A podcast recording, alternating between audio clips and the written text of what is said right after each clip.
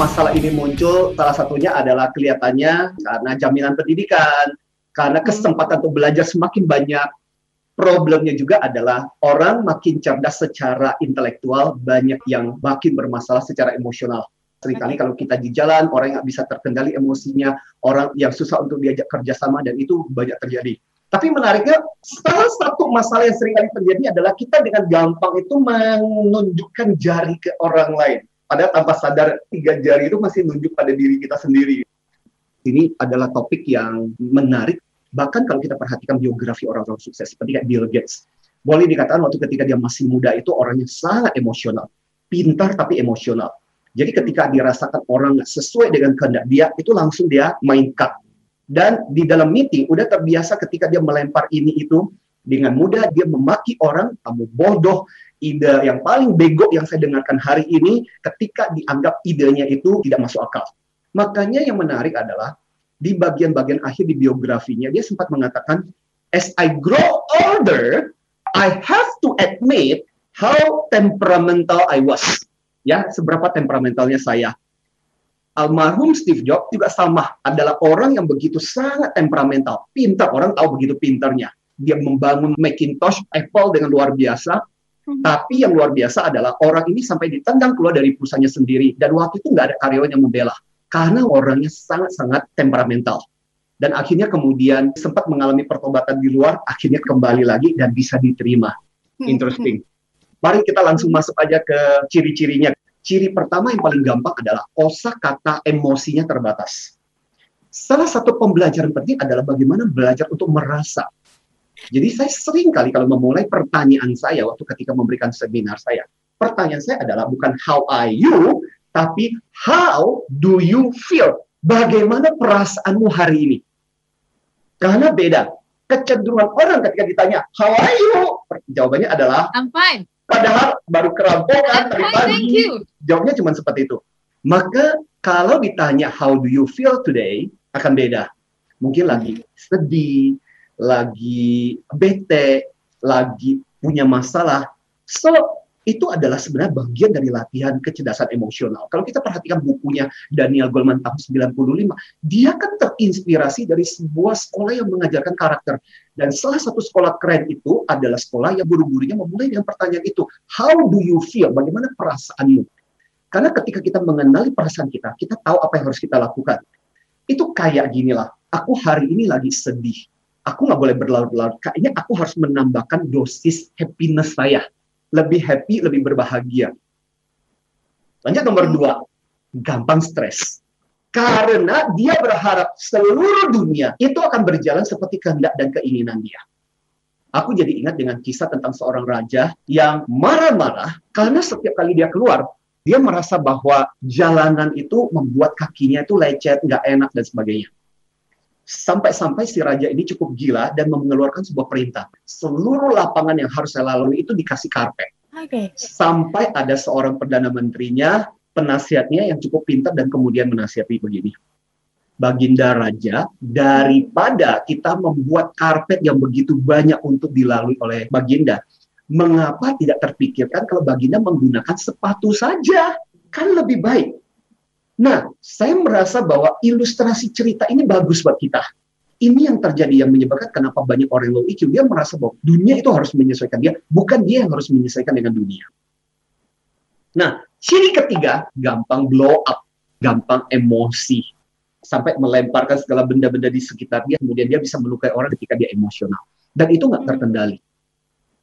Ciri keempat adalah blame game.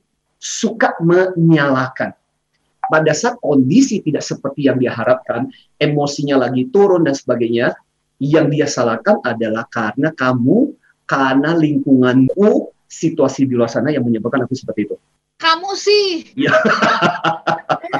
Ini sampai ada satu cerita, dia bilang gini, rasanya saya memuntah dengan pasangan saya. Dia korban PHK, tapi saya nggak menyalahkan sih. Mungkin dari dulu harusnya sudah dipecat. Ya, sekarang aja ada alasan yang tepat untuk suami saya dipecat Soalnya hobinya suami saya itu selalu cari excuse.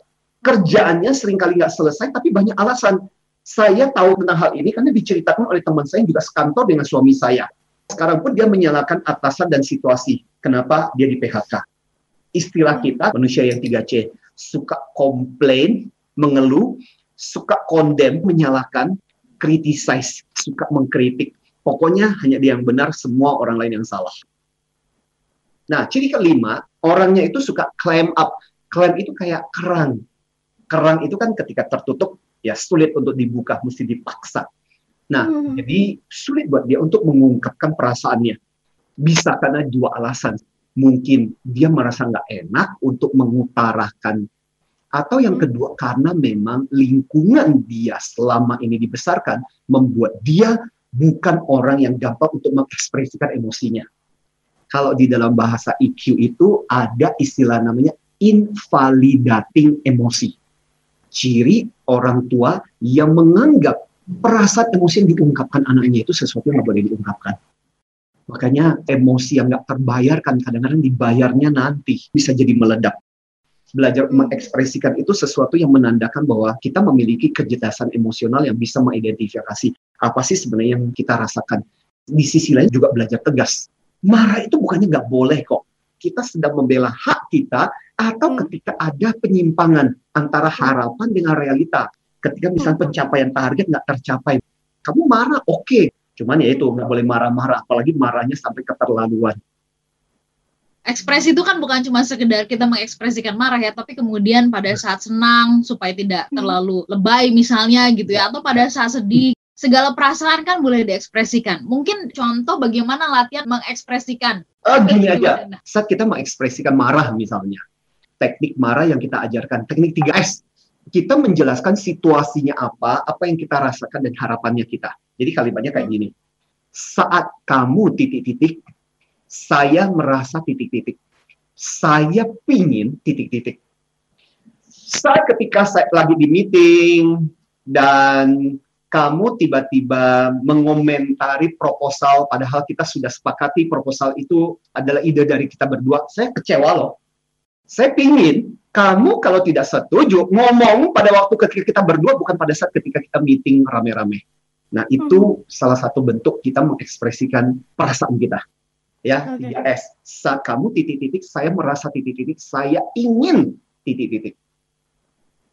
Ciri yang keenam, dia banyak menghadapi masalah dengan orang, punya problem interaksi. Jadi awalnya pertemanan, persahabatan, kelihatannya bersemangat, tapi selalu episodenya berakhir dengan bermasalah.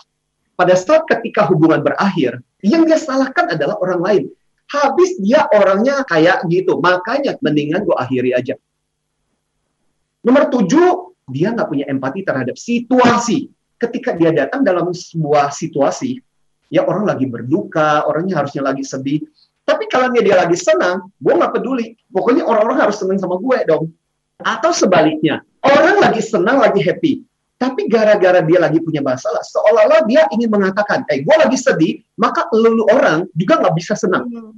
Harusnya lulu orang juga berempati sama gue, menyesuaikan dengan gue, karena gue lagi sedih nih sekarang ini. Okay. Nomor delapan itu apa?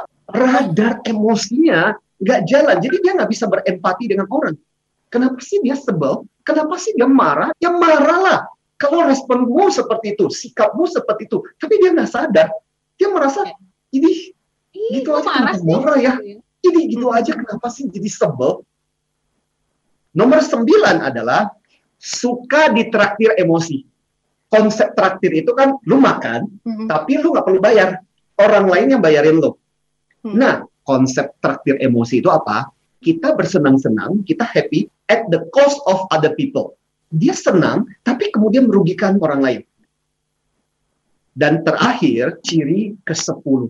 Ketika dia sudah emosi, ketika emosi sudah terjadi pada dirinya, emosi itu membuat dia berkabut, sering kali emosinya lebih kuat dari logika berpikir secara jernih.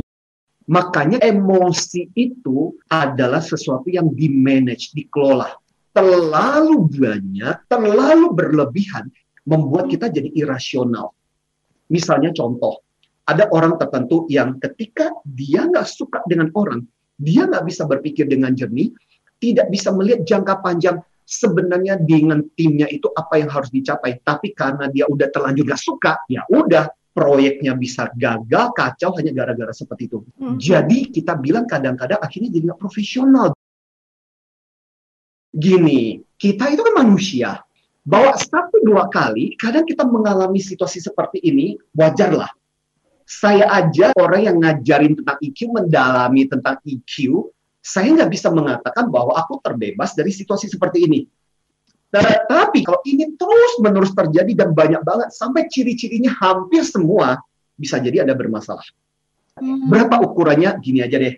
Dari 10 ciri kita tadi, lima aja yang berhubungan dengan diri kita. Nah, ada satu kata untuk Anda, waspadalah. Maka tips saya disebut dengan tips 5 re. Re pertama yang harus kita lakukan adalah reflect, merefleksikan ulang. Jangan-jangan seperti yang saya katakan tadi dari 10 ciri ini berapa ciri-ciri itu kita miliki dan belajar untuk jujur.